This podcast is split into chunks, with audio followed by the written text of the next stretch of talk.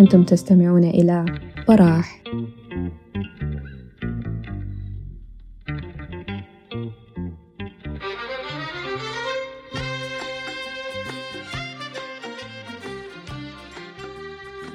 طيب آه، السلام عليكم يا إخواننا ومرحبا بكم ومساء الخير عليكم ولا صباح الخير أينما كنتم. آه، جلستنا الليلة عن حتكون عن مؤتمر باريس هو المؤتمر الدولي لدعم الانتقال الديمقراطي في السودان. المؤتمر ده زي ما كلنا متابعين حتقيمه فرنسا وحيكون مهتم بحاجتين بطريقة رئيسية. الجزء الأول الموضوع بتاع الديون والجزء الثاني الموضوع بتاع الاستثمارات. في الديون الليلة حنتكلم عن التاريخ بتاع الديون بتاعنا عامل كيف. الديون واصلة وين ونحن متوقعين شنو من من المؤتمر ده يخدمنا كيف من الناحية بتاعت الديون والفوائد اللي حتحصل لنا مع بعد إعفاء الديون. وبرضه حنتكلم في الاستثمارات اللي طرحها الحكومة ومدى واقعيتها ومفروض نحن نتوقع عنها شنو. فحيتكلموا معانا الليلة محمد المصطفى وبكري وحيسوقونا يعني في في الناحية دي وبعدين يعني حنفتح الباب للمداخلات والأسئلة والنقاشات والإضافات من باقي الشباب. فمحمد وبكري ممكن تبدو طوالي. هو زي ما قلنا هي يعني هي الديون دي بدت في السبعينات مع نميري. كويس. بعد بعد بعد اتجاه نميري نحو المعسكر الغربي بعد مفاصلته مع مع الحزب الشيوعي في 71 وكده. طيب فهي أصل أصل الديون دي هي كلها كانت كانت ديون اللي هي المكونات يعني اللي هي اتدين في مشاريع التنمية بتاعت نميري يعني طريق الخرطوم بور السودان عسلاية واخواتها مصانع السكر الثلاثة أو الاربعة معاهم كنانة برضو. كويس. فهي دي كانت الفترة اللي اتراكمت فيها اتراكمت فيها الأرقام دي. كويس؟ هي الموضوع بدأ يتراكم أفتكر يعني من شفته بدأ بدأ أو بدأ يعني بدأ تحصل فيه تراكم آخر السبعينات. يعني بعد ما نظام نميري من 78 تقريبا بدأ بدأ في النازل. كويس؟ وجات بعد ذاك الطامة الكبرى طبعا في قوانين سبتمبر بعد ما نميري وقف الضرائب واتجه للزكاة وكده. بعد ذاك انفجر الدين الداخلي وانفجر الدين الخارجي والجنيه. بدا في النازل والقصة بدأت كده تزداد سوءا يعني. فهي بالأرقام يعني هو سنة 80 المكتوب إنه كان الدين 5.2 سنة 81 عمل 6.2 زاد بمليار كامل. ثم 82 7.2 يعني في الثلاث سنين أو السنتين بتاعت آه الفترة دي كان بيزيد بمقدار مليار كل سنة. يعني من 5 و2 ل 6 و2 ل 7 و2 ثم في 83 7.6 جات الانتفاضة 8.6 يعني بنتكلم عن زيادة تقريبا مليار مليار مليار مليار. من 80 ل 84 مليار سنوي. طبعا الرقم ده في زمنه ذاك يعني رقم ضخم يعني. يمكن يكون لو لو يتعادل بالقيمة الآن أكيد هو أكثر من المليار. لحد ما جاء لما جاءت الانتفاضة هو كان بالضبط 8.6 كويس؟ 8.6 بعد ذاك في فترة الصادق الديمقراطية الثالثة زاد 50% يعني لما قفل سنة 89 قفل على 12 كويس؟ بالذات في في في في زيادة في زيادة ملفتة كانت ما بين سنة 86 و 87 اللي هي دي من 9 ل 10.6 يعني زاد مليار ونص. يعني أنا حتى كان سألت محمد الزيادة دي زيادة ملفتة. يعني أنت لو عينت الأرقام ما كان بيزيد بالشكل البطال. في اثناء أثناء الديمقراطية الثالثة ذات. السنة دي أنا ما أعرف حصل فيها شنو 86 87 بالضبط جابت الزيادة دي كلها. يعني من 10.6 من من 9 ل 10.6 في سنة واحدة مليار ونص.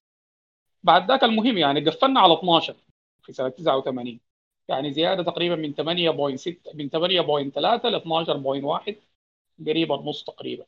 بعد ذاك جات آه، زي ما قال محمد عبد الرحمن جاء بعد ذاك في زمن الإنقاذ. طبعا دي كانت الزيادات الزيادات الأكثر يعني. وبعد ذاك ظهر حتى إنه بعد بعد من 2006 أو 7 زادت الانقاذ في الاقتراض وقللت الدفع يعني بقى الاقتراض أعلى من الدفع. وبعد ذاك الرقم مشى. مشى مشى ثاني وبعد ذاك أصلا جاء طبعا بعد 2010 خلاص وقف الحال وقف والقصة وقفت تماما. فهي بعد ذاك زي ما قالوا الشباب هي بقت كمان المشكلة بتاعت إيه؟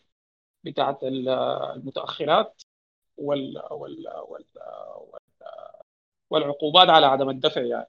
فهي في النهاية يعني هو على حسب على حسب جدول هنا معمول في في الوثيقة بتاعت البنك الدولي اللي هي بعنوان وثيقة جديدة يعني كانت السنة اللي فاتت اللي هي بعنوان مذكرة المشاركة القطرية للسودان لفتره السنتين الماليتين 21 و 22 فهو كاتب إنه هم هنا حاسبيننا علينا 55.9 من عشرة.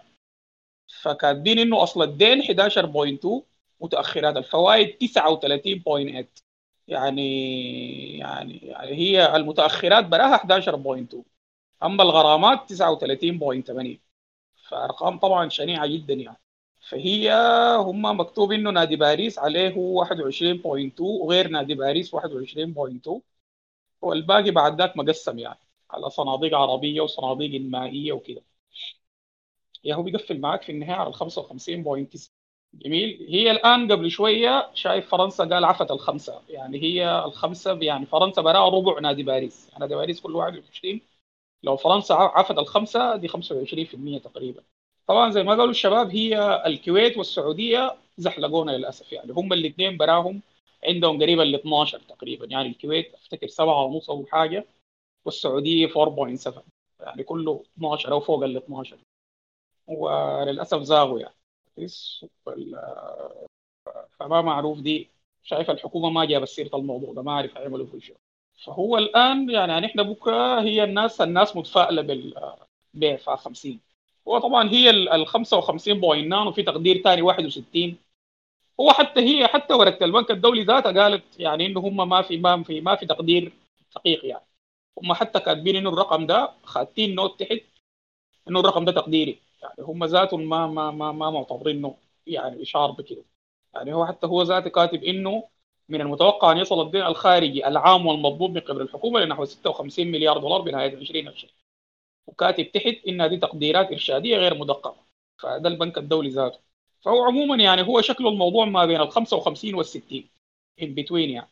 فعموما هي على حسب كلام محمد هي التوقعات البدوي بيقول متوقع 50 وناس كان باريس النظرة المتفائلة لهم هم شايفين في حدود 27 28 هي عموما يعني هو الموضوع مبشر جدا جدا لكن يعني هي ما قصة ما قصة تشاؤم لكن يظل دائما الشيطان في التفاصيل أنا قبل قلت له ليه؟ لأنه يعني إحنا تاريخيا السودان دائما الشيطان في التفاصيل. دائما الشيطان في التفاصيل. يعني كل النكبات اللي حصلت علينا دي هي ظاهر الأمور ابدا بيكون يعني ما بتكون كعب اطلاقا.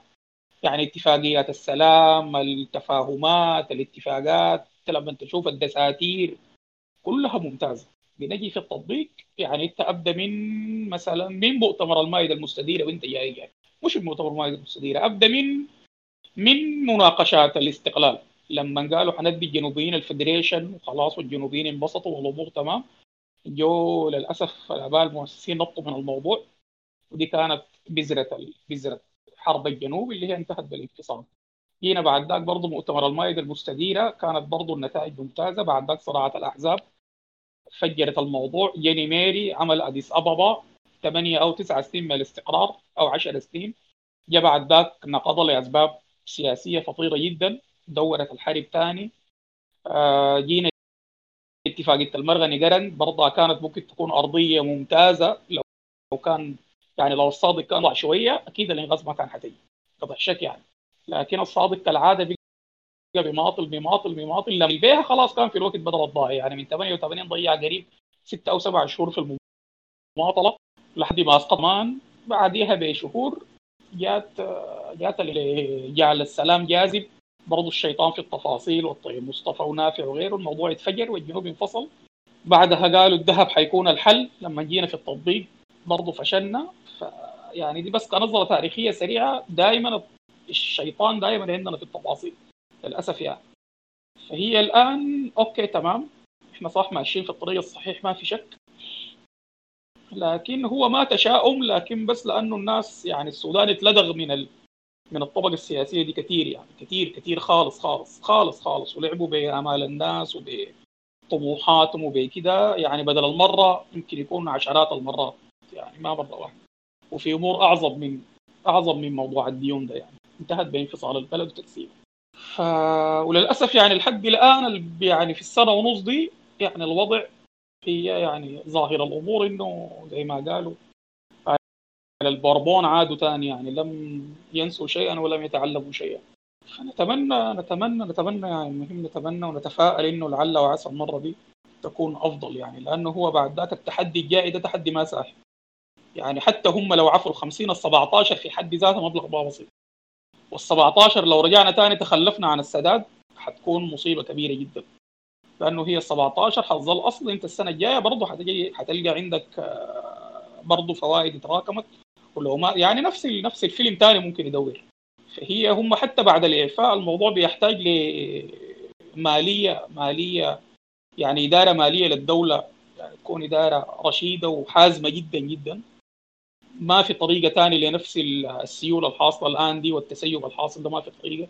لأنه هو وبالذات الآن المشاريع المطروحة دي مشاريع بمليارات يعني. وهي واضح إنها حتكون برضه بقروض والقروض أكيد دايرة سداد. ولو ما سددتها والدائره يا الدائره المفرغة دي يعني. وفي نفس الوقت ما يعني في سيولة كاملة في ضبط الإيرادات. يعني الايرادات أبعد ما تكون عن الضبط.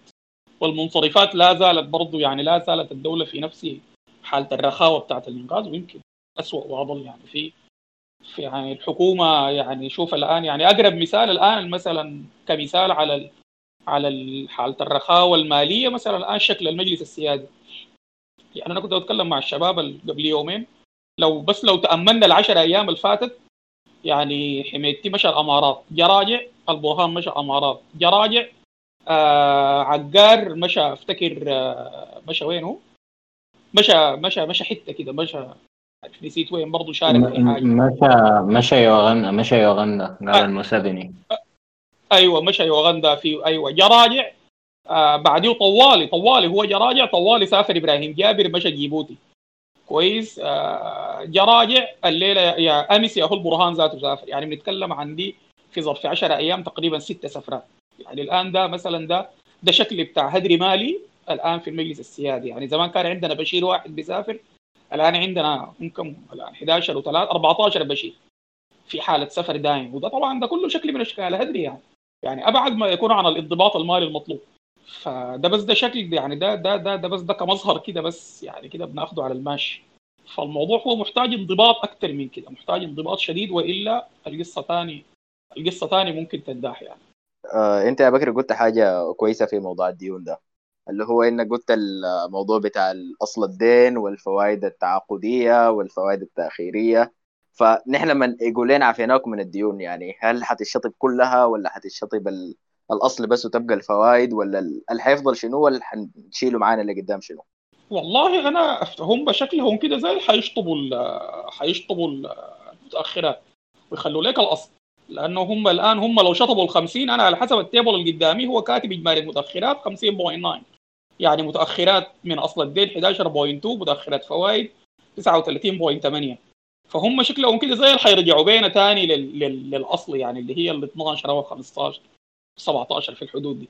كويس؟ هي شوف يعني أنا في نظري الآن هي ما المشكلة هم حيشطبوا كم وحيخلوا كم وبتاع. كويس؟ دي اطلاقا ما الإشكالية. الإشكالية ثم ماذا بعد هذا؟ هو ده السؤال. يعني هم الآن هسه الناس زي قول شطبوا إن شاء الله من ال... يا أخي قول خلوا لنا 5 مليار.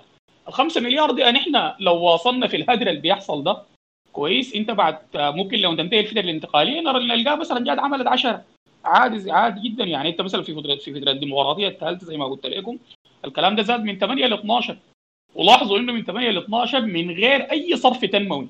في الديمقراطية الثالثه البلد دي ما دق فيها ولا مسمار زيادة على الخلاء ونميري فأنت بتتكلم عن الأربعة مليار ده على فكرة كلها كانت صرف استهلاكي. يعني انت لو قريت مثلا النخبه السودانيه ما فشل الجزء الثاني لما منصور خالد بيتكلم عن الكلام ده. القروش دي كلها راحت استهلاك بضائع مستوردة وقروش في السوق الحر ومخصصات للموظفين وزيادة في الهيكل الراتبي. يعني الفترة ديك الحكومة حكومة الصادق عشان ترضي النقابات والجماعة دي زادت المرتبات بمقدار 2 مليار جنيه.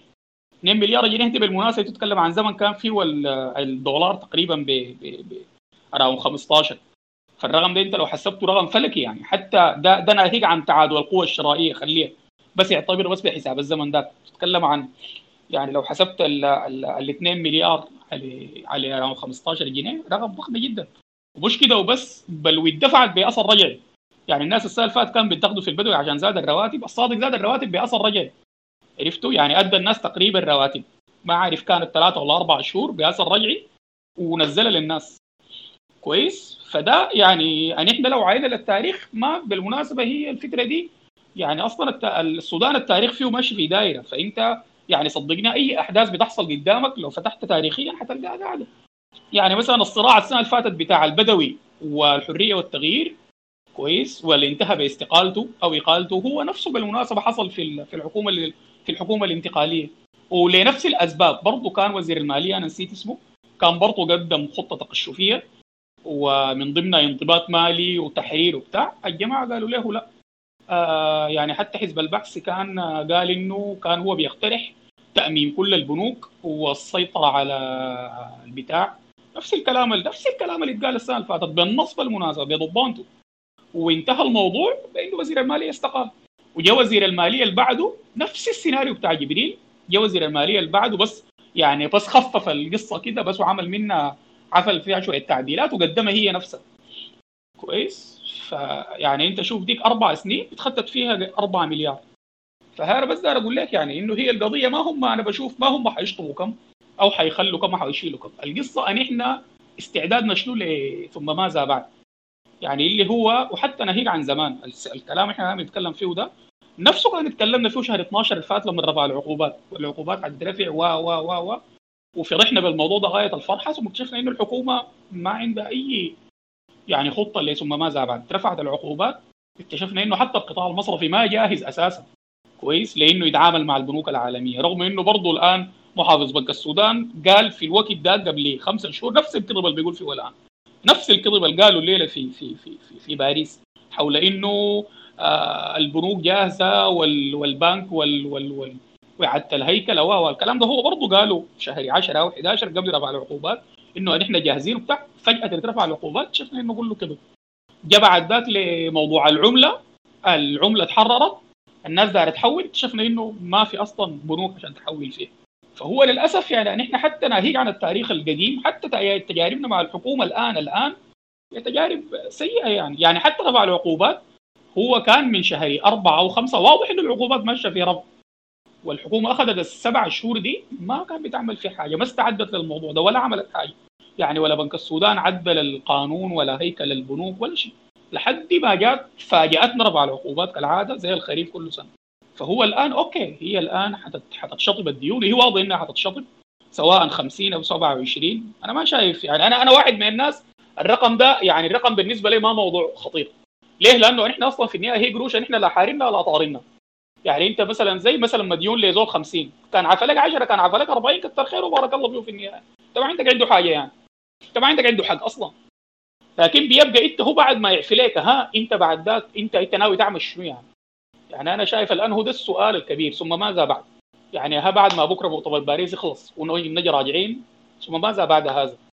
وكمان يا بكري في حاجات برضو لازم تضاف يعني في التوكيد والتأكيد على السؤال اللي انت بتطرحه ده. في جوانب لازم برضو تبين في تفاصيل يعني انت ذكرت برضو الشيطان يكون في التفاصيل.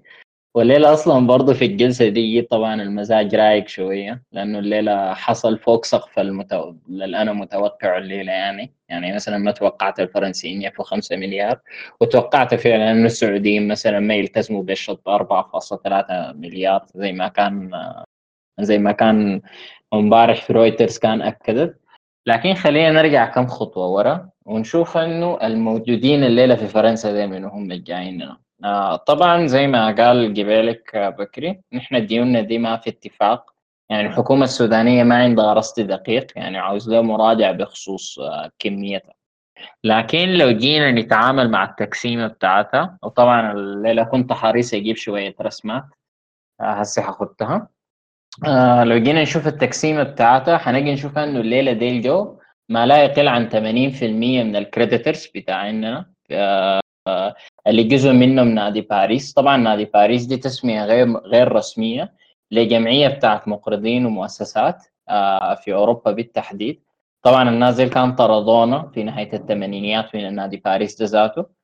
وديل في تأسسوا في الخمسينيات كمؤسسة informal زي ما بيقولوا شنو عشان يعالجوا مسألة الدين الأرجنتيني. وبيقوا the world's largest creditor زي ما بيقولوا. لو جينا نشوف نادي باريس والدول في نادي باريس الدول دي كلها خلينا نقول نادي باريس 38% من الدين بتاعنا آه، من نادي باريس حوالي 37 ل 38% من الدين. آه، نفس النسبة تقريبا جيت check تها نفس الحكاية من الدول اللي ما في نادي باريس. يعني لو جينا مسكنا دول الخليج جينا مسكنا الصين جينا مسكنا هنا جينا مسكنا إيش شنو آه، جينا مسكنا برضو الدول من أمريكا اللاتينية. دي برضو بتقرضنا على فكرة. والدول الآسيوية ثاني ما بس الصين؟ آه، دي برضو 38 ل 39% تقريبا. وفي نقطة برضو مهمة لازم ننتبه لها برضو اللي هي 14% من الدين اللي هو الدين ال commercial. الدين ال commercial ده تقريبا بيعدل 14% الدين ال commercial ده هم ديل بنوك تجارية مستثمرين بعينهم بدينوا الدولة وصناديق تحوط ال hedge funds. ودي كمان في جانب مهم بالذات بعد رفع العقوبات يعني ما بيذكر دائما. اللي هو أنه يا جماعة الديون دي مرتبطة بأصول سيادية. بمعنى أنه ما في أي مرحمة يعني دي ما بيعفيها لك صاحب الدين. وعلى فكرة حتى لو عدنا للجزء بتاع مديونية الدول اللي ما من نادي باريس حنلاحظ مثلا أنه الصين ما حضرت المؤتمر ده. علما ان إحنا الصين مديونين لها بكثير وما بس كده يعني. هسه حخط رابط دقيقة. هسه حاخت رابط بتاع شركة صينية مثلا بتاعت بترول في الفترة اللي كان عندنا فيها بترول. وبعد 2011 بقينا ما بنخدم القروش بتاعها عندي خطيت الرابط. الشركة دي طالبانا 2.4 مليار دولار على أقل تقدير. وطبعا ما في أي prospects بتاع إنه يتم إعادة جدولة الديون أو يتم شطب الدين ده مستقبلا. ما في prospects لحد هسي. ودي مسألة ذاته الحكومة ما قاعد بالنسبة لل HIPC وبصورة عامة عنها طبعا دي مبادرة ظهرت في التسعينات آه وعشان نلخص موضوع نسبة الدين من الناتج المحلي لغاية الفترة الأخيرة كان وصلت 200.6% لكن آخر تقديرات بالذات مع تدهور العملة السريع. طبعا هسي أنا خطيت طبعا هسي يا إخواننا أنا خطيت هسي الآن في الصورة هسي الأولى دي. دي ده شكل الدين بتاعنا يا جماعة في ال pie chart اللي أنا خطيته ده ال 38 38 ال commercial. ال commercial ده زي ما قلت لكم ده مهم ليه لأنه ال commercial debt ده لو ما تعاملت معه وما تفاوضت على اعاده جدوله أو تلقى طريقة للتسديد مستقبلا أي شكل من أشكال ال allocation حتلقوا يا جماعة إنه حتلقوا يا جماعة إنه الديون دي مرتبطة بأصول سيادية. بمعنى إنه عادي مثلا طيارة لسودانير وحتى عجلة بتملكها الدولة نزلت في حتة ما بيجي طالب الديون ده بيجي طالب بأصول الدولة ال state assets بتاعتها وليه المقابل ما أنت تتفاوض معاه على تسوية الديون؟ أو ياخذها ذاته لنفسه he has a claim over the asset ذاته ويجيب مسيل من المحكمة ويشوف ال valuation بتاعه وياخذ قروش بتاعته منك بالطريقة. ودي حصلت مثلا لتنزانيا كان في 2018 كان عندهم طيارة انحجزت في جنوب أفريقيا كان مزارع جنوب أفريقي مستثمر كان مدينهم قروش. نفس الحكاية كان عندهم طيارة نزلت في كندا كان شركة شركة آه، هناي استشارات هندسية كندية حجزتها. كان بتحصل بشكل متواصل ل Middle East Airlines دي شركة لبنانية. وكان بتحصل برضه لدول زي باكستان كمان يعني. آه كمان لو جينا نشوف ال سي المبادرة دي زي ما قلت مبادرة كانت في التسعينيات ودي مبادرة مرتبطة بإعفاء الدول الفقيرة المثقلة بالديون. طبعا نحن لو جينا نشوف ال qualifications بتاعت المبادرة دي من ناحية كوننا دولة فقيرة وجينا قارنا ال export بتاعتنا صادراتنا بنسبة الدين اللي هي زي ما قلت لكم ما بين 240 بالتدهور الجديد لسعر الصرف ل 260% من الناتج المحلي. حنجي نلقى وطبعا هنا في أرقام دقيقة هسه خطيتها هسه للدين تحديدا. آه نلقى انه يا اخواننا آه نحن مؤهلين. لكن مشكلتنا إنه من 93 لغاية 2020 سبتمبر الماضي sorry ديسمبر الماضي آسف آه كان نحن في قائمة الدول الراعيه للإرهاب. فوزارة الخزانة وزارة الخارجية أي الإدارة الأمريكية بشكل عام كانت ملزمة قانونيا وفق القانون الأمريكي انها تحرمنا من الامتياز بتاعت المبادرة بتاعت ال HIPC دي وتمنعنا وتضغط ذاته على ال voting blocs اللي هي تابعة لها والمؤسسات اللي هي بنسبة ال GDP بتاعتها بتساهم فيها انه تدعمنا فيها ال GDP الناتج المحلي طبعا طبعا انشطبنا ونجي نشوف الشروط الأربعة الأساسية. أول شرط أنه تكون أنت دولة في debt distress دي, دي, دي منطبق علينا من زمان الشرط ده. ثاني حاجة لازم نخضع لبرنامج آه، مراقبة فنية ويدونا هم ذاته يرفعوا التوصية بتاعتهم. تحت إشراف صندوق النقد الدولي اللي هو يسمى برنامج ال SMP برنامج صندوق النقد الدولي المراقب. ثلاثة اللي هي تصفيه المتأخرات. طبعا نحن كنا أول دولة في التاريخ آه يوقف حق يعني تنطرد من صندوق النقد الدولي ليترلي آه السبب الأساسي هو مسألة المتأخرات دي آه اللي هي الفوائد التأخيرية أو الفوائد الجزائية زي ما ذكرها بدري بكري وصفها قبل. كمان عندنا فوائد برضو على بنك التنمية الأفريقي. يعني في 1.2 مليار دولار عين واحد 1.5 مليار دولار عين اثنين 413 مليون دولار عين ثلاثة أوكي؟ دي المتأخرات وما حندخل المبادرة لو ما صفينا المتأخرات دي. وسي حتكلم عنها من جانب فني. أربعة إنه يكون عندنا poverty reduction program. وهنا في جوانب مهمة بالنسبة للي قالوا بكري الشيطان يكمن في التفاصيل في الأربع عناصر طبعا. أول حاجة لو جينا مسكنا لل debt distress دي ما حناقشها لأنه وريناكم إحنا في debt distress في المسألة الثانية اللي هي برنامج صندوق النقد الدولي المراقب. دي باختصار مسائل فنية وإصلاحات هيكلية مفروض الاقتصاد السوداني يلتزم بها.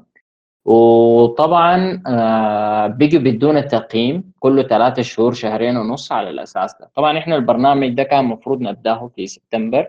واصلا كان المفروض نبدأها منذ الصيف لكن لأسباب سياسية تأخرنا. كانت توقعت الاتفاقية كان في أكتوبر الماضي 2020 وجينا نمضي وكان حتى الإصلاحات بتاعته بدينا فيها متأخر. وطبعا قبل ما أبدأ أفصل لكم فيها وفي بعض الأمور اللي فيها شروحات برضو حوريكم صورة مرتبطة بالالتزامات بتاعت ال SMP ونحن التزمنا فيها قدر شنو. لأنه إحنا لو جينا قيمنا الستة مطلوبات أساسية طبعا بتاعتها إحنا ممكن تقولوا جايبين واحد من ستة. يعني هنا قاعدين يا إخوان ال test باختصار يعني. أوكي؟ الطلب الأول كان أو الشرط الأول كان اللي هو توحيد سعر الصرف. دي حاجة المفروض تكون من شهر سبتمبر الماضي. دي حاجة ما بدينا فيها أو إجراءات زي دي اللي هي طبعا تفاوضنا على سعر سعر الصرف المدار على سعر الصرف المتحرك. monitored flotation وطبعا ما بدينا في الإجراء ده إلا في فبراير. كان المفروض يبدأ في أكتوبر الماضي وما زلنا ما التزمنا بالجانب بتاع اللي هو آه، تحريك آه، سعر الدولار الجمركي طبعا. ده واحد ده قدينا فيه. المسألة الثانية اللي نحن برضو ما استوفينا متطلباتها اللي هو يكون في قانون جديد لبنك السودان المركزي ويكون في زي سيلينج سقف لقدرة الحكومة أنها تستدين من بنك السودان. وده طبعا ده بأثر على مستوى التضخم وبرضه نسبة الفائدة ونفس الحاجة من القطاع المصرفي وحتى القدرة على الاستدانة منه. ده اثنين ثلاثة إنه يكون في مفوضية مكافحة الفساد وفي هيئة قانون مكافحة الفساد. ودي مسألة منصوص عليها في الوثيقة الدستورية.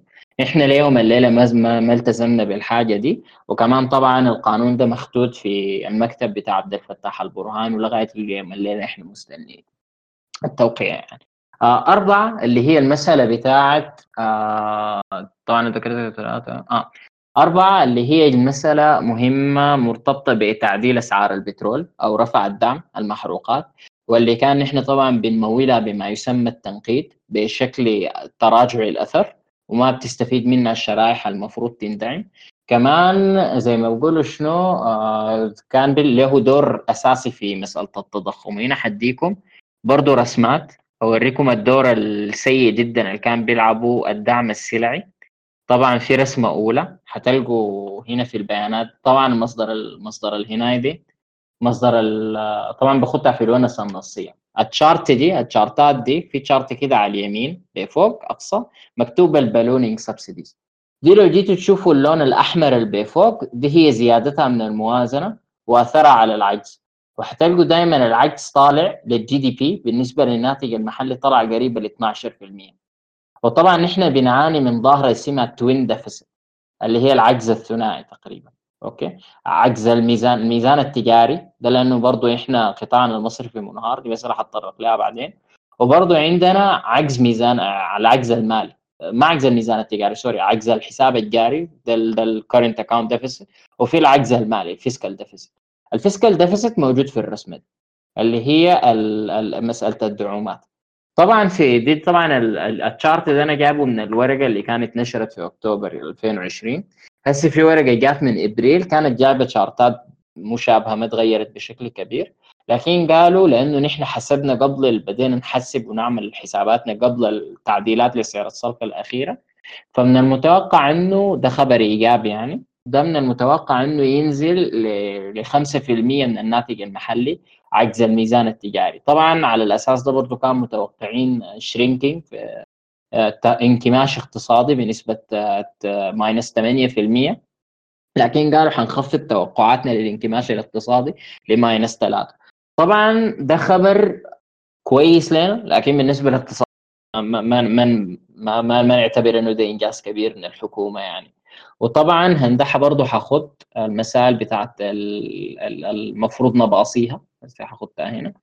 طبعا في زي جدولين أساسيين بالنسبة للشروط هنا ده أول واحد. تقييم ده دي, آه دي الصفحة الثانية المفروض. دي من ورقة وقت دي من ورقة أبريل 21 لو قادرين تشوفوها تحت. ودي ودي الصفحة الأولى منها كمان. طبعا ذكرت أربع مطلوبات. المطلوب الخامس اللي هو يكون في زي تقرير شهري. آه زي تقرير شهري طبعا آه طبعا ذكرت اللي هو بنك آه توحيد سعر الصرف تعديل المحروقات أسعار المحروقات. طبعا على فكرة المحروقات لسه مدعومة. تحديدا اللي بينضخها لتوليد الكهرباء. يعني 40% من البترول اللي نحن بنشتريه في السودان الوقود تحديدا. طبعا نحن زي ما يقولوا بنستورد 8 سلع أساسية بنصرف مليارين على سلعتين. أوكي؟ من أبرز من من من أكثر القطاعات اللي بيضخ فيها الوقود المدعوم هي قطاع قطاع قطاع الكهرباء. ده كان المفروض نعمل تعديل في التعرفه بتاعته لكن حتى في التعرفه ذاته من ملاحظات صندوق النقد الدولي برضه في الورقة بتاعته في الأسسمنت بتاع إبريل اللي فات قالوا يا اخواننا برضه في النهاية لازم يكون في تعديل للتعرفه بشكل دوري لأنه لسه العجوزات ما زالت مستمرة فيه ولسه الإصلاح ده ما لقى أثره. وطبعا يا اخواننا آه وطبعا يا اخواننا نحن كمان آه ما زلنا كنت عايز أقول شنو؟ آه. آه نحن كمان يا إخواننا ما زلنا من أرخص أسعار الكهرباء. يعني نحن طبعا هندا هندا لقيت الرسم بتاعت الدعم والعجز. هندا عندنا نزلت لكم الكير. وشوفوا ذاته المعامل بتاع بيرسون عامل كيف النسبة ما بين العجز والتضخم الكتلة النقدية N2 أوكي. والنسبة ما بين الدعم العلاقة الطردية والارتباط ما بين الدعم ونمو التضخم والعجز بتاع بتاع الموازنة. لاحظوا هنا. فده كان في ضروري يترفع بغض النظر عن المفاوضات مع صندوق النقد الدولي ولا لا لأنه هو المتسبب في الكارثة دي. نفس الشيء برضه دعم الكهرباء الموجود. نحن لسه بندفع أقل من 1 سنت للكيلو واط لتكلفة إنتاج من 16 ل 22 سنت. فدي أول شرطين التوحيد وبالنسبة ل وبالنسبة ل وبالنسبة ده توحيد سعر الصرف لسه بقى الدولار الجمركي. وفي المسألة الثانية اللي هي آه زي ما قلت لكم المحروقات. ثالث حاجة بالنسبة لحسابات مص... حسابات حسابات الشركات اللي تابعة للدولة. طبعا ده ثالث مطلب وأساسي مشددين عليه. في زي 58 شركة أمنية تابعة لجهاز المخابرات الدعم السريع الجيش. وطبعا خاضع لما يسمى قانون هيئة الصناعات العسكرية ل 2017 طبعا طالبين التدقيق المالي بتاعه وطبعا زي ما أذكركم نحن عندنا مراجع عام معطل من 2018 تقريبا. 2000 التقرير 2019 طلع تقرير اللي هو بتاع 2018 أي virtually هو من 2019 معطل لكن technically 2018 هو معطل أصلا يعني. لو جينا للبعيد دي المسألة الثالثة. المسألة الرابعة كان ذكرتها لكن هعيد ذكرها ثاني اللي هي قانون جديد لبنك السودان طبعا. آه بنك السودان يكون تحت إشراف صندوق النقد الدولي زي ما بيقولوا. وطبعا يكون في capping ذاته على قدرة الحكومة للاستدانة منه ده ما طلع. في الطلب الخامس من صندوق النقد الدولي. آه طبعا ده مرتبط باللي هو يكون عندنا زي تقرير شهري. التقرير الشهري ده يطلع يا إخواننا وكمان هنا آه التقرير الشهري ده يطلع ويكون فيه بيانات بخصوص المؤشرات الاقتصادية طبعا في في الدول العادية طبعا لأنه إحنا في وضع stress فبيطلبوا منك كل ربع سنة كل quarter تطلع البيانات بتاعتك وده اللي بيحصل في كل تقرير اقتصادي لدولة. اللي بيجيبوا المعدل بتاع التضخم الشهري بيجيبوا نسبة النمو في الربع. وطبعا الموازنات نفسها بتتمول بالربع بتاع السنة بالذات لو كانت فيما يسمى ال program based budgeting لكن ده التزمنا به دي حاجة كويسة. فمن ناحية هل نحن فعلا قادرين نستوفي الشروط بتاعت ال SMP ومفروض ي pass ونا نحن ولا ما ي pass ونا؟ حنجي نشوف أنه يا اخوانا إحنا آه، ما ما ماشيين في البرنامج ده كويس. وزي ما قلت لكم سادس حاجة اللي هي آه، يكون عندنا قانون مكافحة الفساد بتاع مفوضية مكافحة الفساد آه، وده لسه مستن ده من ناحية. في حنجي للفوائد اللي حنجي اللي هي مسألة مسألة مهمة اللي هي القرض التكسيري طبعا لأنه إحنا علينا متأخرات من صندوق النقد الدولي. وبالاختصار القرض التكسيري ده هو شنو؟ ليه اسمه كده؟ القرض التكسيري ده أنت تمشي تفتش دول زي النرويج الولايات المتحدة الأمريكية.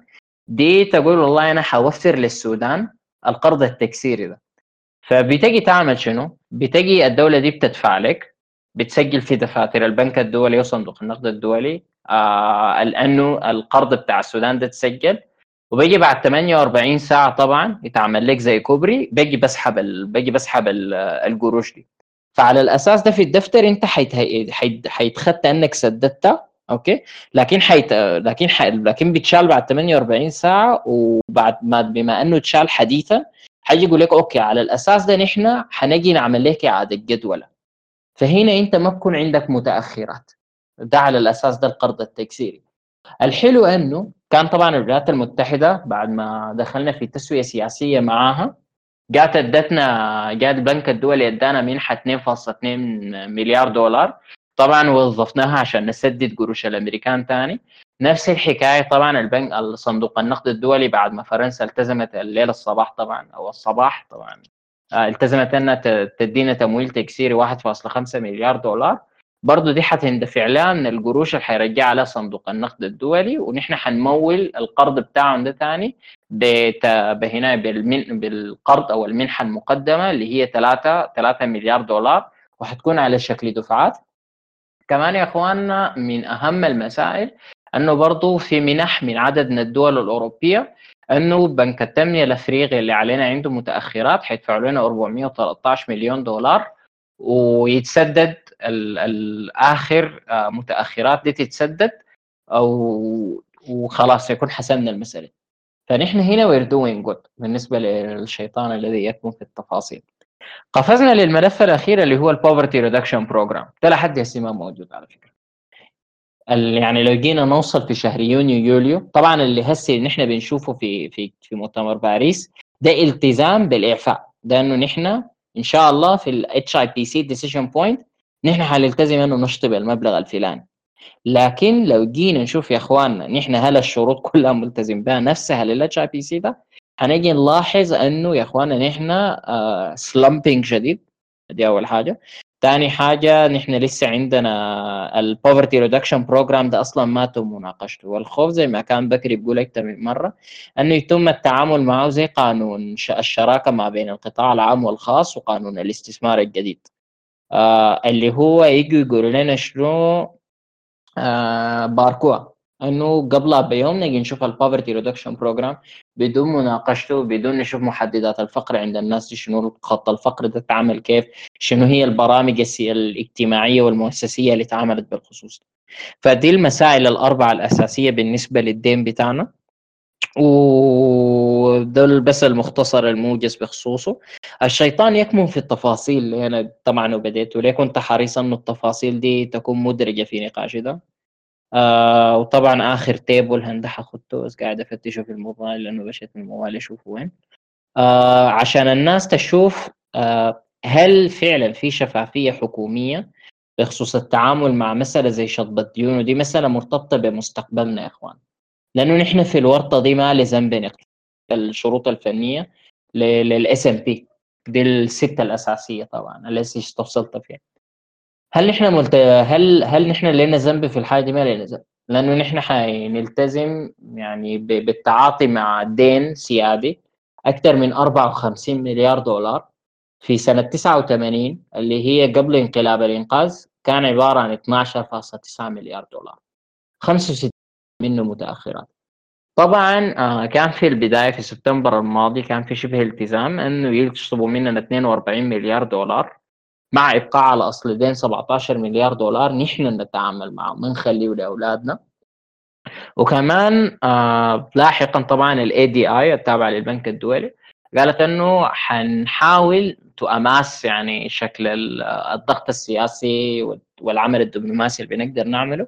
عشان السودان ينشطب له أكثر من 50 أو في دي تقديرات فاروق كمبريسي ودي تقديرات لحد هسه قد يبدو أنها قد قد تحدث اللي هي لا ده ولا ده حاجة أقل بكثير اللي هي 27 لازم نتعاطى معاها وما في دولة ما بتستدين يا إخوان وما في دولة ما بتتعامل مع الدين بتاعها ولازم الدول تتحلى بالمسؤولية في التعامل مع الدين الخارجي لأنه زي ما قلت زي ما قلت لكم أجدادنا أو أبهاتنا اللي وصونا على الوطن زي ما بقولوا ان إحنا ما خلوا لنا وطن نتوصى عليه خلوا لنا دولة غارقة في حفره عمقها 60 مليار دولار. إحنا بنغرق أحفادنا وأولادنا بحفرة عمقها 60 مليار دولار. طيب يا محمد قبال ما نمشي للموضوع بتاع ننتقل لجانب الاستثمار. آه قبل ما ننتقل لجانب الاستثمار بس لو تدينا ال wrap up سريع كده أو آه ملخص كده اللي حصل الليلة والأول بيهمنا في موضوع الديون ده بين اللي حصل في مؤتمر باريس. آه معلش آه كنت قافل المايك بالغلط. آه الحصل الليلة طبعا آه الليلة اللي حصل كويس يعني بغض النظر عن هل قدر التوقعات المتفائلة شديد أو ما على قدر أو مدى صدق التوقعات المتفائلة شديد الحصل الليلة كويس شديد. وخلينا نبدأ بتفاصيل. آه طبعا آه من أبرز الدول المقرضة في نادي باريس ذاته هو فرنسا. اللي ديننا مثلا وصل ل 5 مليار دولار عليها. ده ربع الدين اللي نادي باريس. أوكي؟ شطبوا الدين ده بالكامل. لاحظوا؟ شطبوا الدين ده بالكامل. نفس الشيء آه ألمانيا. آه المان آه ألمانيا دي شطبت تقريبا آه ما متذكر الرقم بالتحديد لكن تقريبا 316 مليون دولار. آه دقيقة أتأكد ثاني. آه, آه لا لا سوري. شطبوا شطبوا 360 مليون دولار طبعا. وفي معها دولة أخرى برضو شطبت أقل من كده لأنه أصلا طالبان ديون أقل من كده. آه في آه طبعا ما من نادي باريس في السعودية. السعودية طبعا امبارح كان طالبين آه كان كان كان مش طالبين كان آه رويترز. كان قالت إن السعودية حتشطب اللي هو ما يعادل 4 4 مليار دولار وأكثر بشوية كم فاصلة عشريا ما متذكر الرقم بالتحديد. لكن تبين إنه ده ما حيحصل وحيساهموا في سد الفجوة التمويلية لل لل IMF عند السودان وحيساهموا ب 20 مليون دولار. طبعا نحن لسه مستنيين خبر بالنسبة للكويتيين اللي هم مقرضين ما من نادي باريس. وطبعا بنك التنمية الأفريقي شطب الديون نفس الحكاية. والتزموا. باكثر من 600 مليون دولار لدعم الزراعة والبنية التحتية طبعا يعني في شطب منح مستنين يعني مخرجات الاجتماعات بكرة وبعد بكرة عشان نعرف في النهاية الاجمالي الديون اللي اتشطبت من السودان كم وكمان لما سياسييننا ديل يرجعوا من من طياراتهم لازم نسائلهم يقول لهم يا جماعة okay في أصل دين تبقى أو في فوائد ما اتشطبت دي أنتوا عاوزين تعملوا بخصوصها للسنين الجاية لازم السياسي يجاوبنا على الحاجة دي. وكمان لو ما عنده أي طرح للدين عادي جدا نقول اسمع يا أبو الشباب المفروض أنت ما في زول يصوت لك ولا زول يتعامل معك كفاعل سياسي. لأنك أنت ما تتعامل مع مشاكل الناس يعني. وزي ما يقولوا نحمل سياسيين المسؤوليه يعني. بس ده باختصار اللي حصل الليلة بالنسبة لملف الديون يا مبتدئ آه طيب كلام ممتاز. آه طيب خلونا نمشي للملف بتاع الاستثمار.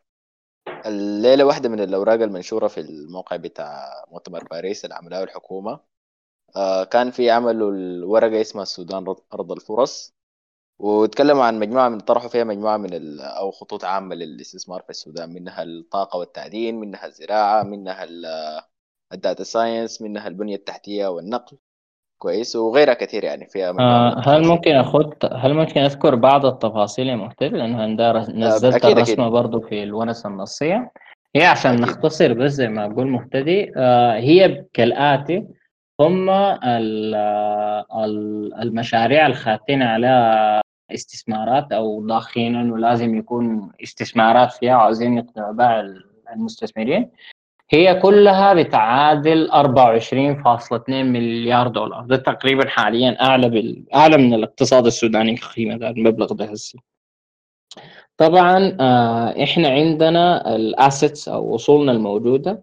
عندنا شبكة طرق في السودان 11800 كيلو متر ده ده أقل من شبكة الطرق اللي في قطر.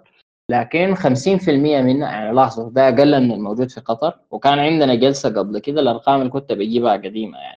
لحد ما مقارنة بالجديده دي طالعة جديدة. الوقت ذاك زي ما قلت لكم يعني إحنا 6900 كيلو متر شبكة طرق هسه تبين إنه لاحظوا إن إحنا ما قدرنا حتى نضاعف الرقم في في في كم؟ ل 10 سنوات تقريبا ما قدرنا نضاعف الرقم. لاحظوا. قطر قدرت تضاعف رقم زي ده في ثلاث سنين مثلا. ولاحظوا إحنا شبكة طرقنا أقل منه. عينوا مساحة السودان عينوا مساحة قطر.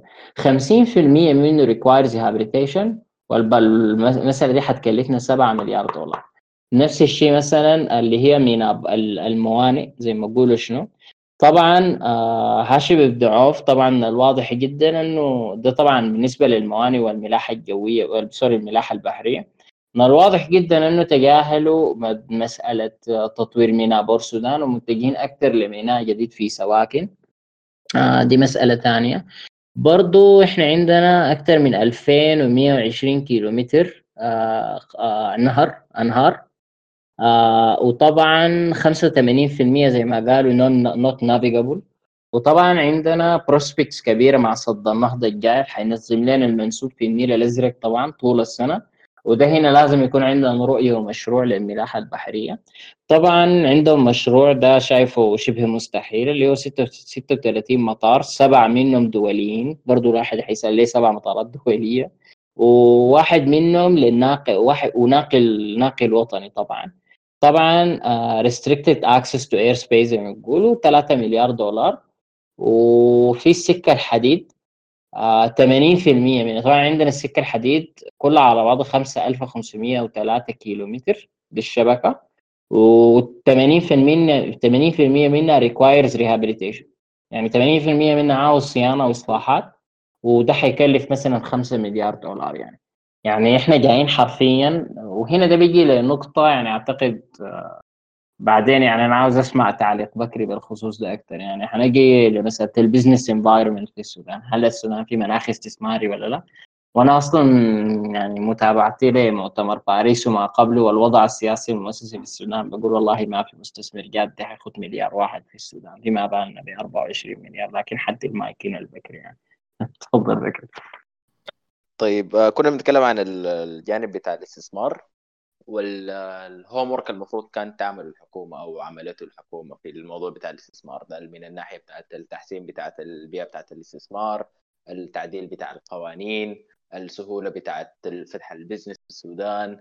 طيب آه أنا هنا ممكن آه أرفع لكم اللي هي الصورة اللي هي كان آه كان رفعناها أمس دقيقة اللي هي دي دي دي دي بتبين ترتيب السودان زي ما قلنا في التقرير بتاع سهولة سهولة الأعمال.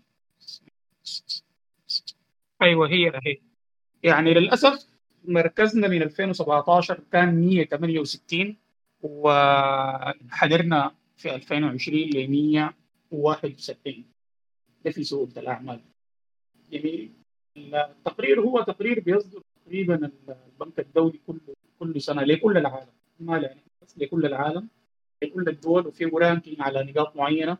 ومن التقرير الكبير في في في تقارير مفصلة للدول براه جميل. فالتقرير بتاع السودان مثلا أقرب مثال هو من من الأول هو حاجة زي يعني من أول من أول صفحة بس بدي زي زي overview سريع كده للسهولة بتاعت الأعمال. بيقوم بيديك الخطوات بتاعت بداية عمل وبيديك عدد الأيام لكل لكل لكل نشاط. يعني بيبدأ معك طبعا من الأول للأسف اول نشاط كده بقول لك ده أصلا ما متاح للنسوان أساسا. أنا بس نسيت ال نسيت الحاجة كان قال شنو؟ كويس هي في التقرير موجودة. بعد ذاك هو بيديك لكل لكل لكل مرحلة عدد أيام معين. فأنت لو جمعت بس بتلقى من الأول كده القصة دي هي بتاخذ معاك زي 37 يوم. طبعا هو الكلام ده أصلا كلام متفائل. لأنه هي الناس الآن الموجودة في السودان عارفة الآن مثلا أبسط مثال أول خطوة اللي هو تسجيل العمل في مسجل المسجل التجاري المسجل التجاري مصطكي تقريبا الآن قالوا التسجيل ممكن ياخذ معك شهرين لثلاثة شهور لأربعة شهور أنت وحظك يعني. لأنه في مشاكل في الشبكة وعلى حسب ما كان في أنا كان في أخونا كده علق قبل ثلاثة يوم في الموضوع ده هو شكله عنده علاقة بالموضوع. قال المشكلة إنه المسجل التجاري تابع لوزارة العدل. وزارة العدل مصرة إنها يعني تمسك الموضوع ده. وهي في نفس الوقت عندها نقص بتاع موظفين وعندها نقص في ال IT وعندها نقص في كل حاجة. فهي ولا هي عاوزة يعني ولا هي أطلقت المسجل التجاري عشان يأكل من خشاش الأرض ولا هي دايرة تطعمه لا كده لا كده. يعني ولا هي دايرة مثلا تخصصه أو تنقله لجهة ثانية أو. أو أو كده ولا دايرة تعين له ناس. فالوضع سيء. يعني حتى أنا أتذكر كان لاقاني خبر في الراتوبه قبل شهر ولا خمس قبل رمضان أنا فتشته ما لقيته ثاني صورة بتاعت الناس واقفين صفوف قدام المسجل التجاري. يعني تخيل ناس جايبة ورقة عشان تبدأ business عشان تبدأ أعمال بيقوم بيتدافسوا وبيجيبوا صف كويس؟ أقرب مثلا يعني ممكن ناخذ فلاش ثاني مثلا قبل قبل العيد بتقريبا أسبوع كان في خبر إنه صادر الذهب واقف له 10 أيام لأنه شبكة وزارة التجارة واقعة. يعني الكلام ده أنا قلته كذا مرة يمكن في الأيام اللي فاتت. ده, ده الذهب سيد الـ listing ذاته. عرفتوا يعني يعني أنت لما الذهب شخصيا يكون واقف الصادر اللي هو الآن ده الصادر الوحيد حق البلد كله. كويس؟ واقف لأنه الشبكة وزارة التجاره واقعة. طبعا يعني من المفارقة إنه في نفس اليوم ده اللي هو ده كان اليوم بتاع المنتدى اللي كان عمله حزب التجمع الاتحادي لو بتتذكروا في كورنسيا تقريبا. في نفس اليوم ده وزير التجارة كان بهناك بيتكلم عن الأعمال والفرص والابورتيونيتيز وكلام كبير جدا جدا. وهو ما عارف إنه وزارة الشبكات واقعة على أسبوع والناس ما قادره ما قادرة تصدر ذهب. أنت متخيل؟ يعني زول مصدر ذهب جايب ورق داري يصدر ذهب بمئات آلاف الدولارات بكل بساطة بقول له الشبكة واقعة. يعني كأنما هو زول جاي داري يمرق آه رخصة ولا جواز ولا زول جاي شايل دول جاي شايل قروش دولار. ذهب بيقول الشبكة واقعة أمشي وتعال بكرة. كويس. هو دي بس دي كده بس دي دي دي, دي لمحات عن مناخ الأعمال يعني. ناهيك عن طبعا عن الوضع في المحليات في الضرائب في الزكاة في النفايات. يعني وضع الوضع سيء سيء سيء بتاع بالذات في من بعد كورونا وجاي يعني أنتوا لو أي واحد من إخواننا هنا عنده زول هناك عنده مصنع أو شغال صناعة بالذات صناعة لأنه التجارة ما إشكال كبير يعني. أنت أصلا بتمشي حالك. لكن انت الصناعة دي لأنه انت بكون عندك ارتباطات كثيرة يعني عندك ارتباط مع الصحة ومع البيئة. يعني أنا أحكي لكم بس حاجة سريعة يعني عندي خالي كنت بتونس معاه قبل رمضان هو عنده مصنع بتاع طحنيه المصنع له من 12 سنة شغال يعني. قال لي أنا فجأة كده قبل رمضان بأسبوع أو أسبوعين جاني واحد قال لي أنا داير الرخصة البيئية. قال لي قلت له أصلا ما في حاجة أصلا اسمها رخصة بيئية. قال لي لا عملوها. الكلام ده شهر اثنين أو شهر نهاية اثنين. قال لي قلت له طيب وي عملوها متى قال لي هسه شهر واحد. لي طيب أنا ما أعرفها أساسا لي ما في كلام زي ده. تاخ طوالب ده غرام ده يصاب ومرض. ده أقرب مثال يعني مصنع الطحنيه رخصه بيئيه بتاع شنو؟ يعني طيب هو لو كان مصنع الطحنيه يعني كانما هو بصنع اسمنت ولا بصنع يورانيوم هو مصنع طحنيه يعني عبارة عن سمسم بيدرشوه وبعد ذاك سكر بتسخنه بتديه الطحنية السمسم بينقلب طحنية قال له ده رخصه بيئيه كويس. ده طبعا ناهيك عن إزعاجات المحلية وناس الضرائب والتقديرات الجزافية اللي بتحصل في الضرائب. جميل. فهي دي دي دي دي كلها هي دي إشكالات دي إشكالات مناخ الأعمال هناك. وما خفي أعظم يعني. يعني هو ده ده بس دي الحاجات اللي أنت بتسمعها من بعيد لبعيد. يعني لو في واحد من إخواننا هنا شغال صناعة مثلا لو كان ناس ممكن يحكوا لكم عن المآسي الحاصله هي دي كلها هي صح دي غد. طبعا الناس أيوه صح في في خضم. الأمور الكبيرة دي الناس بيقول لك يا أخي دي أمور جانبية. لكن زي ما قلنا وعدنا بالعكس هي دائما هي دي يعني زمان أيام الإنقاذ المستثمرين طاروا من السودان بسبب الكلام ده. يعني كان في مستثمرين بملايين الدولارات جايين بمشاريع طاروا من السودان ومشوا أثيوبيا بسبب بسبب معاكسات. بيكون موظف ما يعني كده موظف درجة 10 أو درجة 15 هو قادر إنه يطير مستثمر جايب عشرات أو مئات ملايين الدولارات وحصلت. يعني كنت كلكم سمعتوا في 18 و17 استثمارات كثيرة في إثيوبيا. حتى في سودانيين هنا في السودان قفلوا ومشوا إثيوبيا. لأنه الموضوع بقى لا يطاق. الآن هو بقى لا يطاق أكثر بدرجة مضاعفة. يعني في يعني أنا قبل قلت في الآن في الإجراءات. الأول الحكومة عموما على الأرض فيها سيولة شاملة سيولة كاملة هناك. فهي دي كلها دي كلها مشاكل. للأسف الحكومة كان ممكن تشتغل عليها. يعني هي هو ده ما تشاؤم لكن بس هو دائما أنت الاستثمار ده يعني على حسب بس الحاجات البسيطة الواحد سمعها وقراها وشافها أنت بتجهز أول حتى تجيك الاستثمار. مش بتنادي الاستثمار حتى حتى تجهز يعني كأنما أنت الاستثمار كأنه ضيف. يعني كتبسيط مخل كأنه جاي ضيف في البيت. يعني أنت ما ممكن تدعو ناس للغداء وأنت ما جهزت الغداء عشان لما يجي يدقوا الباب تقوم جاري أعمل سريع قطع سلطة بتاع. نفس بنفس المنطق. فأنت ما ممكن بتدعو الناس للاستثمار وأنت ما جاهز. وأنت ما جاهز. دي مشكلة كبيرة. يعني مثلا زي الآن زي ما قال زي ما قول محمد عبد الرحمن كثير. يعني مثلا الآن في space شغال في في في, في تويتر بهناك. ناس الأموي وكمبريزي كتر خيرهم بيتكلم عن مشاريع الطاقة الشمسية. مشاريع الطاقة الشمسية كيف؟ هو أصلا هي ما في أساس ال regulation للطاقة الشمسية. يعني هل يعقل أنت بتقدم مشروع بتقدم مشاريع طاقة شمسية وأنت أصلا ما عندك قوانين طاقة شمسية؟ يعني هو الان الآن هسه بكره هسه الآن بيبقى اليوم ده لو في مستثمر مشى الحكومة السودانية الوفد هناك قال لهم اسمعوا دقروا شو أنا بكرة داير أبدأ مشروع طاقه شمسية. راح وروني أبدأ من وين؟ جماعة دول هم قطع شك ما عندهم فكرة لأنه أصلا ما في أساسا تشريعات مكتوبة عشان عشان الواحد يبدأ منها. يعني أنت حت حتشتغل كيف؟ حتدي الشبكة بياته تزعيرة حترجع لي بياته تزعيرة حتدي الناس كيف؟ أيوه وفي عشرات التشريعات للموضوع ده ما تعمل منها حاجة. يعني هو زي ما بقول محمد عبد الرحمن هو الآن بس تشريعات الطاقة الشمسية للأفراد ما موجودة. خليك من للمشاريع الكبيرة. للأفراد للأفراد العاديين ما في. قز على ذلك في كل حاجة يعني. فأنا ما فاهم. يعني أنت الآن والحكومة بس ماشية معتمدة على موضوع قانون الاستثمار اللي هو لا زال حبر على ورق ما تطبق أساسا. وهو أصلا أجازوه تقريبا قبل رمضان على ما أظن ولا أثناء رمضان. يعني حاجة برضه بس بتاع يلا سريع سريع. آه يعني ده نحن ناس الناس يعني نحن باعتبار ناس ما بكري على على ذكر موضوع الطاقة ده مع مثلا كان دائما مثلا يعني لحد هسه على فكرة المستثمر بتاع المنتج المنتج المستقل للطاقة لو فلنفترض خلوه يعمل المصنع بتاعه في النهاية ما في قانون بيسمح له يربط سلكه زي ما بيقولوا بسلك الشبكة بتاعت الإمداد الحكومي زي مصر مثلا. ماشي. ولا حتى في ما هي الآلية بتاعت صافي القياس اللي على أساسها مثلا في محطات توليد بتاعت طاقة شمسية يعني. وفي نموذج جنبنا يعني بنقدر نتعلم منه من ناحية التشريعات الضرورية اللي بتعملها. كان بدو في الموضوع ده في 2014 آه، إحنا ما دارين ما دارين حتى نشبك سلك نشوف الناس دي معاهم شنو. يعني حتى في الورقة بتاعت صندوق النقد الدولي السنة اللي فاتت اللي هي من الدعم للاستدامة وعلى فكرة هم جهزوا ورقة السنة دي حينشروها في نفس مواعيد السنة اللي فاتت. آه كان قالوا آه كان قالوا لو إحنا شددنا على الربط الكهربي مع إثيوبيا ومصر في السنين الخمسة أو السبعة الجايين ديل آه حنقدر نوفر 200 مليون دولار سنويا يعني. المشكلة دي التوصيات لحد هسه يعني الحكومة ما قاعدة تعمل شغل في الموضوع ده لحد هسه للأسف. آه برضو بالنسبة لموضوع القطاع المصرفي القطاع المصرفي ده منتهي شديد في السودان على فكرة. يعني أنتوا يا جماعة ما عارفين بالنسبة للشباب الموجودين انه اول حاجة القطاع المصرفي ده من خصائصه إنه ما عنده أصول عال ما عنده أصول آه، فيها فاليو كبيره يعني. دي أول حاجة. لو جينا قيمنا أصوله كلها على بعضها بتساوي 25% من الناتج المحلي.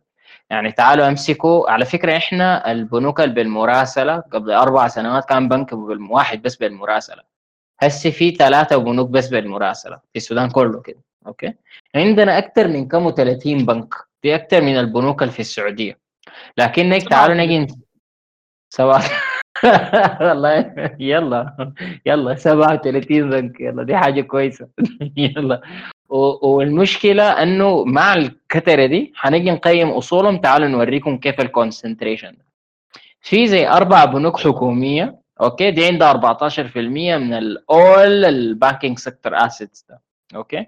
في سبع بنوك أجنبية مسجلة في السودان وعندها شراكات برضو مع بنوك خاصة يعني في عمليات الإدماج. دي يمسكوها كده على بعضها 27% من أصول المصارف تقريبا. okay؟ وال concentration بيتجلى وين؟ في انه خمسة بنوك مصرفي خمسة بنوك بس؟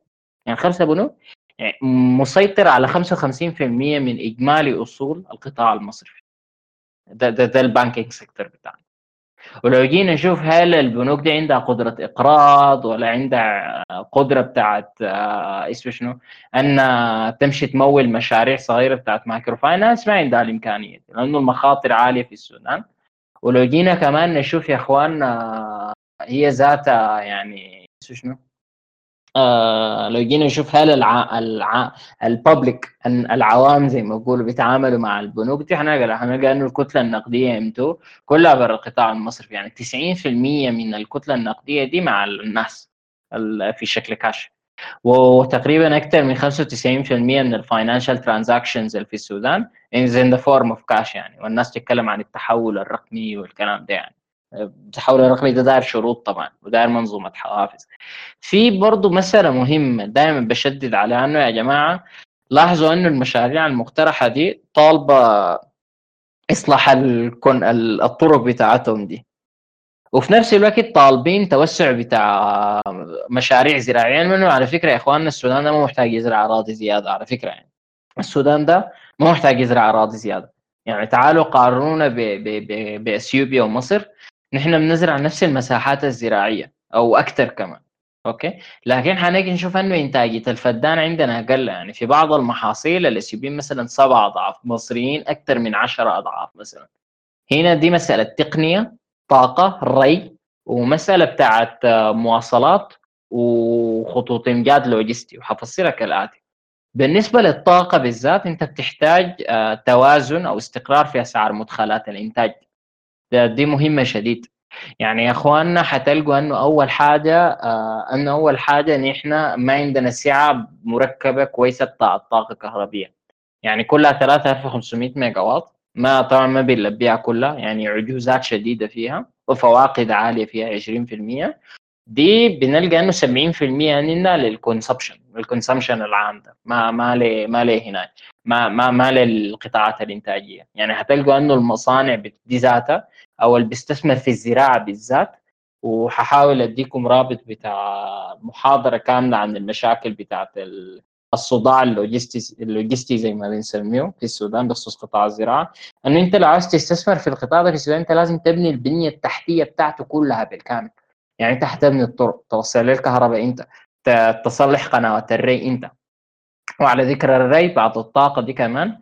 حتلاحظوا حاجة كمان إن إحنا يا جماعة عندنا أكثر من 650 ألف كيلومتر مربع أراضي صالحة للزراعة. بنزرع تقريبا أقل من 25% من الأراضي الصالحة للزراعة دي. okay؟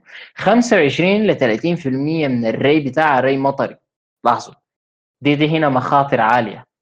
يعني إحنا حرفيا لو جينا نتكلم على إنه يسألني عن النيل لا تسأل عن التعبي وما أعرف هنا إحنا ما قاعدين نعتمد على النيل ده في أي حاجة زي ولو جينا ذاته إحنا التخزين القرني قدرتنا على تخزين المياه للري آه ما تفوت السعة التخزينية؟ ما تفوت ال 10 مليار متر مكعب. يعني إحنا سنويا في حوالي 7 مليار متر مكعب ماشي لاخواننا المصريين سنويا بالمجان يعني. فدي حاجة حاجة بائسة جدا.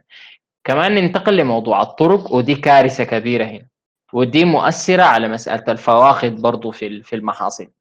طبعا الفا أي محصول أي محصول في الدنيا دي وبيجي بيمسكوا الفدانة والهكتار okay؟